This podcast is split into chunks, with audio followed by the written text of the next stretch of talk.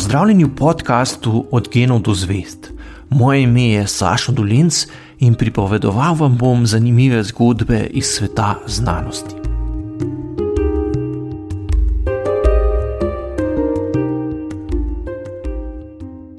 Leta 1952 je matematik Alan Turing policiji prijavil vlom v svojo hišo v Manchestru.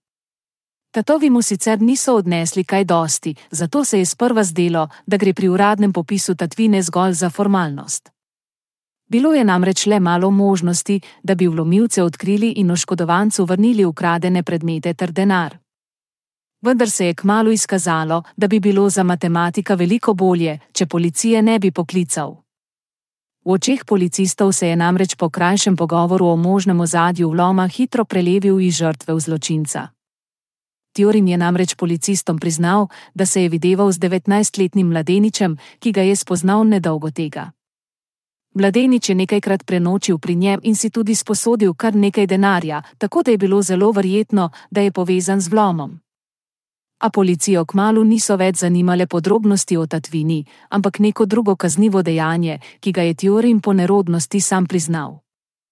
V Angliji je bila takrat homoseksualnost še vedno kaznivo dejanje in policija je hitro dojela, zakaj je pri zvezi obeh mož v resnici šlo. Turinga so postavili pred sodišče za enak zločin, za katerega je bil pol stoletja predtem irski pisatelj Oscar Wilde obsojen na dve leti zapora. Na sojenju Turing svojega zločina ni zanikal, zato je bil po zakonu iz leta 1885, ki je bil v svojem temelju namenjen zaščiti žensk, obsojen na izbiro med zaporom in prisilnim zdravljenjem homoseksualnosti. Odločil se je za zdravljenje, ki pa je bilo bolj podobno mučenju, saj se njegova spolna usmerjenost zaradi tega ni prav nič spremenila. Po navodilu sodišča je moral, da bi se izognil zaporu, prestati enoletno terapijo z ženskim hormonom, ki naj bi v njem zatruslo po moških. Leto dni je tako redno prejemal injekcije estrogena, zaradi česar se je zredil, vidno pa so mu začele rasti tudi prsi. Terapija s hormoni je bila v resnici nekakšna kemična kastracija, ki na njegovo homoseksualnost ni vplivala, mu je pa zmanjšala sposobnost mišljenja in koncentracije. Britanski državni aparat je tako zaradi povsem nesmiselnega zakona sistematično uničil enega najboljših znanstvenih umov v državi. Matematik Alan Turing je imel takrat le nekaj čez 40 let. Turingov oče je v začetku 20. stoletja služboval kot britanski uradnik v Indiji. Ker je bila mati prepričana, da indijsko okolje ni primerno za vzgojo njunih dveh otrok, sta Alan in njegov starejši brat John mladost preživela v raznih angliških domovih za otroke, kasneje pa v šolskih internatih. Leta 1926, ko je imel Alan 14 let, so ga sprejeli na ugledno Sherburn School, a bi skoraj zamudil prvi dan pouka. Ker je bila ravno takrat v Angliji splošna stavka, javni prevozi niso delovali, in tako se je mladi Alan na 100-kilometrsko pot do šole podal kar s kolesom. O njegovem nenavadnem kolesarskem dosežku so takrat poročali tudi časopisi. Tudi kasneje se je veliko ukvarjal s športom, predvsem s tekom na dolge proge. Na znanstvene konference je tako pogosto kar pritekel, pri čemer je včasih celo prehitev kolege, ki so potovali z drugimi prevoznimi sredstvi. Postal je celo tako dober, da bi se leta 1948 lahko uvrstil v britansko olimpijsko ekipo, če ne bi bil ravno poškodovan. Alan je svojo homoseksualnost odkril že v najstniških letih, ko je bil tesno navezan na sošolca, ki je na to nenadoma umrl zaradi komplikacij pri zdravljenju tuberkuloze. Mladostna izguba dobrega prijatelja je oslabila njegovo vero. Postal je ateist in trdno prepričan, da morajo imeti vsi pojavi materialistično razlago. Tudi procesi, ki v možganih porajajo misli. Komu dvakrat ni uspelo pridobiti štipendije za prestižni Trinity College na Univerzi Cambridge, se je odločil za King's College na isti univerzi, kjer je takrat poučeval slavni ekonomist John Maynard Keynes. Ker je ob koncu študija napisal zelo dober doktorat, so ga povabili, da kot učitelj in raziskovalec ostane na univerzi. Če ne bi bilo druge svetovne vojne, bi verjetno tu še dolgo nadaljeval svojo akademsko kariero, a država ga je nujno potrebovala pri nekem drugem, za državno varnost zelo pomembnem projektu. Po doktoratu je za nekaj let odšel v ZDA na Univerzo Princeton, vendar se je ob izbruhu druge svetovne vojne vrnil domov in začel delati v tajnem centru za dešifriranje imenovanem Bletchley Park. Tu so Britanci zbrali različne učenjake, šahovske mojstre in nasploh vse, ki bi lahko kakorkoli pomagali pri razvozlavanju nemške vojaške komunikacije. Dešifriranje sovražnikovih zakodiranih pisem je bilo še posebno težavno, saj je nemška vojska uporabljala posebno mehansko napravo, imenovano Enigma, ki je bila videti kot nekakšen pisalni stroj.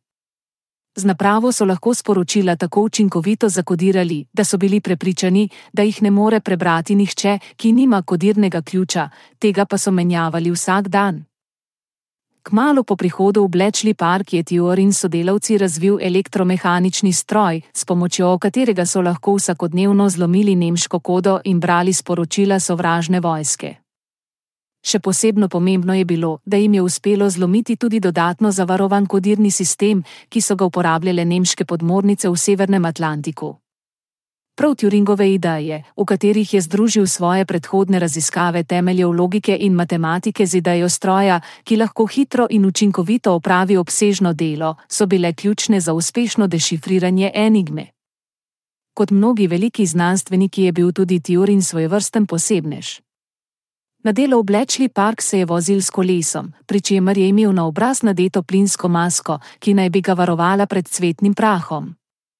Svojo skodelico v sobi za čaj pa je z verigo pritrjeval na radiator, da mu je ne bi kdo odnesel dokler niso Britanci umaknili oznake tajnosti iz dokumentov o obstoju svojega velikega medvojnega projekta dešifriranja nemške vojaške komunikacije, je bil Alan Turing v javnosti znan predvsem po svojih dosežkih na področju matematične logike in teoretičnih osnovah umetne inteligence. Šele, ko so dokumenti postali javni, pa je postalo jasno, kako pomembno je vplival tudi na medvojno dogajanje. Po vojni se je vrnil v Cambridge, kjer se je nadajal, da se bo lahko v miru posvečal akademskemu delu. Pridružil se je skupini, ki je poskušala zgraditi delujoč prototip računalnika. Vendar je kmalo ugotovil, da so se po koncu vojne hitro vrnila birokratska pravila, ki so samo oteževala delo. Med vojno se je zelo mudilo z iskanjem rešitev, kako razvozlati nemška sporočila, zato so imeli učenjaki dokaj proste roke pri tem, kako so se lotevali dela. Pomembni so bili predvsem rezultati. Po vojni se je birokracija ponovno okrepila, Turing pa se v Cambridgeu tudi sicer ni več dobro počutil, zato je sprejel mesto na univerzi v Manchestru, kjer so prav tako poskušali zgraditi računalnik. Ko je živel v Manchestru, je objavil še nekaj zelo pomembnih člankov, med drugim tudi zelo odmevnega o umetni inteligenci, kjer je predstavil slavni test, kako preveriti, ali računalnik res zna misliti. Po Turingovem testu, kot so kasneje poimenovali takšno preverjanje, lahko za stroj rečemo, da zna misliti, ko na osnovi njegovih odgovorov nihče ne more razločiti, ali na zastavljena vprašanja odgovarja stroj ali človek. 8. junija 1954 je sobarica našla mrtvega v postelji. Na njegovi nočni omarici je bilo s cianidom zastrupljeno jabolko. Čeprav poslovilnega pisma ni pustil, je skoraj zanesljivo, da je storil samomor. Mati je bila sicer prepričana, da je bila sinova smrt posledica nepazljivosti pri kemijskem poskusu, a kot zaključuje eden od biografov, je Tiorin zelo verjetno namerno storil samomor tako, da bi si lahko mati ustvarila tudi svojo interpretacijo.